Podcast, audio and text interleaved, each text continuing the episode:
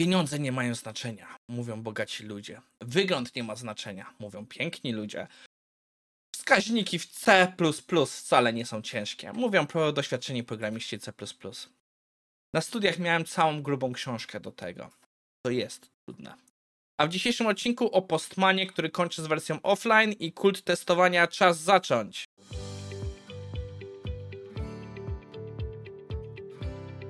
Cześć, nazywam się Maciej Wyrodek, a to jest IT Morning na 31 lipca 2023.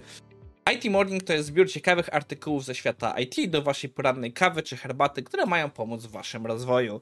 I nagrywam po raz pierwszy od tygodnia. Z reguły staram się nagrywać odcinki z dnia na dzień, ale no niestety z różnych powodów e, byłem teraz na wyjeździe, więc nie mogłem. I tak samo niestety ten tydzień będę też część tygodni na delegacji, więc część odcinków w tym wypadku będą nagrane komórką. Niestety nie mam fizycznie możliwości zrobienia odcinków na zapas, więc będziemy nagrywać je komórką na bieżąco. Mam coś jeszcze dodania z tym tematem? Tak. Trochę żałuję, że w tym tygodniu nie mogłem nagrywać odcinków, bo było tyle ciekawych tematów do poruszenia, które były bardzo aktualne. Jak na przykład to, co się wydarzyło praktycznie pod koniec tygodnia, ogłoszenie o tym superkonduktorze, który działa w temperaturach pokojowych. Momencie, gdy to nagrywam, jeszcze nikt nie udało się temu jakoś potwierdzić czy zaprzeczyć tym badaniom. Ja mam spore obawy, że to będzie kolejny case, że to się zakończy, że to jest jakiś fake, ale naprawdę trzymam kciuki, bo jeśli coś takiego uda się zrobić, to tyle to problemów rozwiąże technologicznych, że to naprawdę będzie ogromny przełom. No, ale miejmy nadzieję i mam nadzieję, że ten materiał dobrze się zestarzeje. Ale w tym czasie przechodzimy do naszego pierwszego materiału, który jest poświęcony Postmanowi. E, pewno część z Was wie, bo to już jest coś, co widzę na różnych forach ruch, o tym, że ludzie szukają alternatywy dla Postmana od dłuższego czasu. Jakoś wtedy nie skumałem czemu. Dopiero e, właśnie ostatnio w jednej filmie, gdzie robię konsultacje, zapytali mnie o to, o, o, o alternatywy dla Postmana. Jak się ich wypytałem, to okazuje się, że ich dział właśnie security ma zastrzeżenia do Postmana, bo nie chcą z różnych przyczyn żeby ani kolekcje, ani już tym bardziej jakieś e, bardziej dokładne informacje były trzymane online. Ja byłem bardzo zdziwiony, bo przecież Postman ma wersję offline. Ma tak zwany sketchpad, który mimo, że jest irytujący, nie powiem, zawsze ten wielki napis e, żółty mnie wkurzał, a wcześniej oni mieli inne dark patterny, jak na przykład bardzo mały przycisk, żeby się nie logować, e, no to przecież da się go używać. Okazuje się, że nie. Okazuje się, że właśnie Sketchpad jest ubijany. E, on, e, przepraszam, Scratchpad. Mówię Sketchpad, a to jest Scratchpad. E, Scratchpad jest ubijany i on będzie dla osób, które miały wcześniej zainstalowanego Postmana, dostępny w nowych wersjach do któregoś tam września.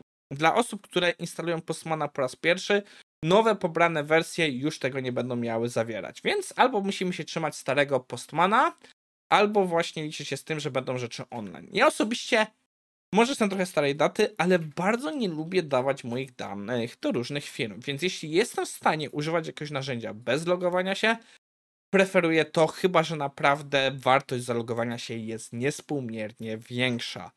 E, w wypadku Postmana nie widzę takiej wartości, zwłaszcza, że też przyznam się, e, dla mnie Postman nigdy nie wyszedł poza narzędzie do szybkiego przeklikania się, potestowania czegoś manualnie. Większość rzeczy jednak wolę zrobić w kodzie. Wolę zautomatyzować, a Postman, mimo że ma jakieś tam formy automatyzacji, to jednak z mojej perspektywy najlepiej jednak zrobić to porządnie w kodzie, gdzie mamy o wiele lepszą kontrolę wersji. Bo mimo, że Postman wiele różnych rzeczy próbuje, jest te workspace online, to nie do końca to działa. Jedno, co muszę zaznaczyć, Postman ma coś, co się nazywa sesje. Sesje to jest sposób, żeby przechować pewne zmienne tylko u nas lokalnie, bez wysyłania ich do online, by nie żyły w wersji online. Więc, no cóż, myślę, że zrobimy sobie albo w ten piątek, albo w następny przegląd różnych alternatywnych Postmana, gdzie się trochę nim pobawimy. E, no i Idziemy dalej. Następnym naszym materiałem jest artykuł przez Jamesa Arbona, Arbona e, na temat uważajcie na kult te testowania. I um, mam trochę mieszanych uczuć z tym artykułem. Do końca i naprawdę nie wiem, gdzie zacząć. Boję się, że ten materiał będzie trochę za długi, ale postaram się być zwięzły. E, James Abron, dla, e, dla osób, które nie wiedzą, jest osobą, która przez długi czas zrobiło pewne narzędzie do automatyzacji testów opierających się na AI. On ma dość duże doświadczenie w tym zakresie. Wydaje mi się, że to jego narzędzie chyba w końcu zaczęło działać, ale nie mogę sobie teraz ani przypomnieć nazwy, ani też przyznam się szczerze, nie czuję się w tej chwili aż tak, nie jest to aż tak istotne, że mi się chciało przeszukiwać. W każdym razie ma dużo do czynienia z community, ma do czynienia też, bym powiedział, z co bardziej niefajnymi elementami naszej community i przez ten post przemawia trochę gorycz. Ja mam ten problem, że patrząc przez ten post, e, czuję, że autor e, wprost mówi o jednym z community, e, do które, o którym ja też mam bardzo złe zdanie, mimo że sam przez długi czas byłem fanem ich podejścia, ale no, wraz z rozwojem IT moje spojrzenie się zmieniło na te tematy. E, ale muszę zaznaczyć, jest możliwe, że to jest po prostu mój błąd poznawczy. To, co obejrzymy sobie jutro, jest materiał poświęcony o tym, jak trudno przekonać drugą stronę do naszych argumentów. I jak to jest, że tak naprawdę, jeśli oni wychodzą od razu z innej pozycji niż my, my od razu uważamy, że oni są o wiele bardziej zaścięgowi, o wiele bardziej, e, jakby to powiedzieć, em, biased, czyli mają o wiele większe błędy poznawcze niż my i są bardziej stronnicze. No niestety tak działa nas umysł. I boję się, że tutaj trochę to przemawia, bo ja pewne rzeczy widzę w tym artykule, ale mogę sobie dużo rzeczy dogadać. Problem jest, że autor daje za mało przykład. Autor zaczyna fajnym tekstem, że nasza branża, całe IT i testowanie ciągle ewoluuje i podejścia, które były nawet poprawne 10 lat temu, teraz już mogą być nieaktualne, teraz już mogą być bez sensu, mogły stracić swoje znaczenie. I jak najbardziej się z nim gadam. I aut, art, e, zgadzam. I autor mówi, że powinniśmy uważać na pewne zachowania w naszej dyscyplinie, w naszej dziedzinie, jaką jest jakość, które e, zaczynają być bardzo niezdrowe. I autor mówi, że na przykład e, takie ostre przywiązanie do, do przestrzegania zasad i praktyk. To jest trochę coś, z czym może nie do końca się zgadzam, bo uważam, że pewne te zasady i praktyki bardzo często ludzie próbują je złamać, bez e, od nich odejść, bez zrozumienia po co one powstały, skąd one się wzięły i nie mówię tutaj tylko o testowaniu, ale też o programowaniu. I tak naprawdę nie potrafią nic lepszego zaoferować w zamian, tylko mówią, one się w tym momencie nie aplikują. Więc myślę, że to jest dwie strony medalu, trzeba pilnować. I autor właśnie mówi, że tak naprawdę nasze, nasze, że cała branża jakości, testowania jest właśnie w ciągłej tej zmienności i my powinniśmy być otwarci na to, żeby robić rewizję tych rzeczy i je zmieniać. I tu właśnie jest ten problem, że się z nim zgadzam uważam, że takie dobre praktyki i tak dalej mają swój sens, ale też musimy mieć, przepraszam, jak najbardziej miejsce do tego, żeby móc je sprawdzić i zweryfikować. Autor ma też duże zarzucenia do problemu, czym ja się często też łapię, że po prostu taki praktycznie nie można w ogóle kwestionować respektu, czy w ogóle pozycji założyciela danego pomysłu, czy lidera danego podejścia. Jest to coś, co widzę nagminnie, zwłaszcza z jednym podejściem, tego co nie będę nazywał, gdzie po prostu jego liderzy to są bożyszcze tłumów. Um, I próba jakoś powiedzenia coś źle od razu naśle na ich kultystów czy fanatyków na, na nas. Więc e, z nim się zgadzam, ale jak wszędzie przydałoby się jakieś przykłady. Ja rozumiem, że autor nie chce podawać imion i tak dalej, ale jakoś nawet uproszczone pewne sytuacje powinny być tu wyjaśnione.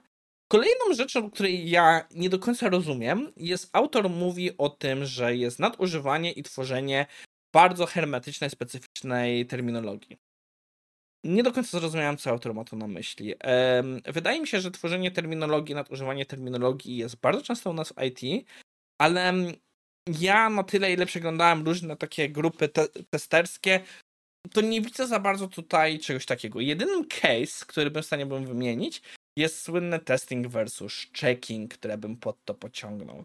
Ale no w tym wypadku chyba wolałbym usłyszeć już mu powiedzenie wprost, że chodzi mu testing versus checking, a nie rzucanie takich ogólników lub jeśli chociażby jakiś przykład czegoś innego w tym zakresie. E, kolejną autor mówi to jest e, właśnie, że niektóre community testerskie właśnie próbują za bardzo budować swoją wyjątkowość i chwileczkę, czy to było to słowo insularity?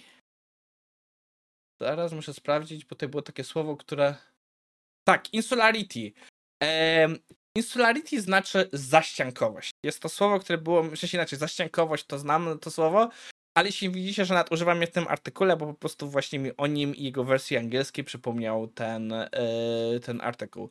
że nasze komun niektóre community testerskie potrafią budować bardzo to wyjątkowość, swoje poczucie nie, nie wyjątkowości, no i wspomniany brak e, krytycyzmu dla lidera.